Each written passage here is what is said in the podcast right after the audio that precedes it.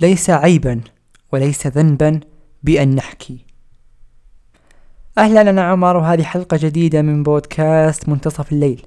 أتمنى كما أقول في عاداتي الكثيرة وأنتم تستمعون لهذه الحلقة أن تكونون بأفضل حال وعلى ما تتمنون وعلى ما تحلمون به في هذه الليلة.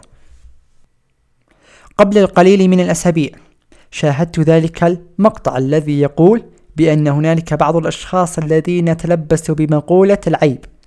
بمقولة لن أحكي ولن أقول ما أريد قوله هنالك لحظات طمست لحظات اختفت للأبد وبهجات لم تعد بهجات بسبب الكتمان.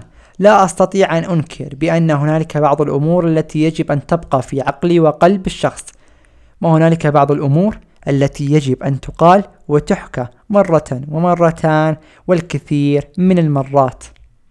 وهنالك بعض الأمور التي يجب أن تقال وليس للكل. مثال وأنا كما تعلمون بأنني أحب أن أقول الكثير من الأمثلة. مثال إن وقعت في تصادم سيارة. لديك خيارات إما الأب أو الأم أو أحد الأشقاء. بطبيعة الحال سوف تخبر إحدى الأشقاء أو أحد الأشقاء.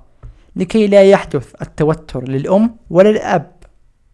خاصة وإن كانوا مصابين بحالة صحية. قبلت في التخصص الذي تريده سوف تخبر الكل بل العالم أجمع عن بهجتك الكبيرة. وفي اختيارنا بالأمور وفي إخبارنا بالأمور يجب أن يقف العقل لكي يؤكد الأمر لمن يحكى ولمن يقال.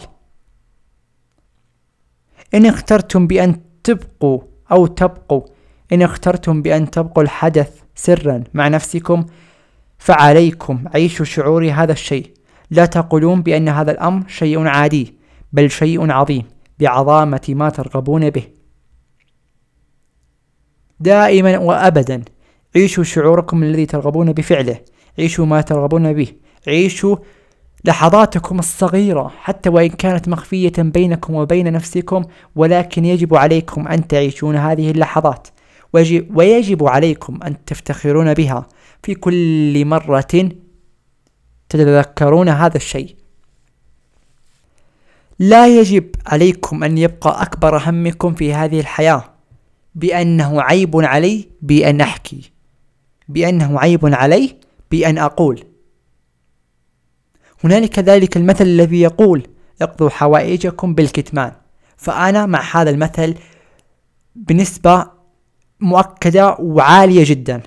ولكن هنالك بعض الأمور التي يجب أن تحكى ويجب أن تقال ويجب أن تكبر بهذه البهجة.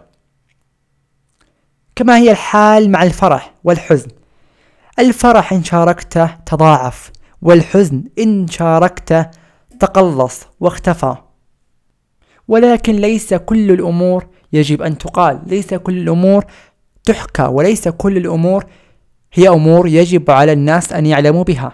هنالك أمور يجب أن تبقى للنفس للذات وللقلب وللعقل ويتذكرها. ومن الممكن أن تحكى في وقت من أوقات المستقبل الجميل.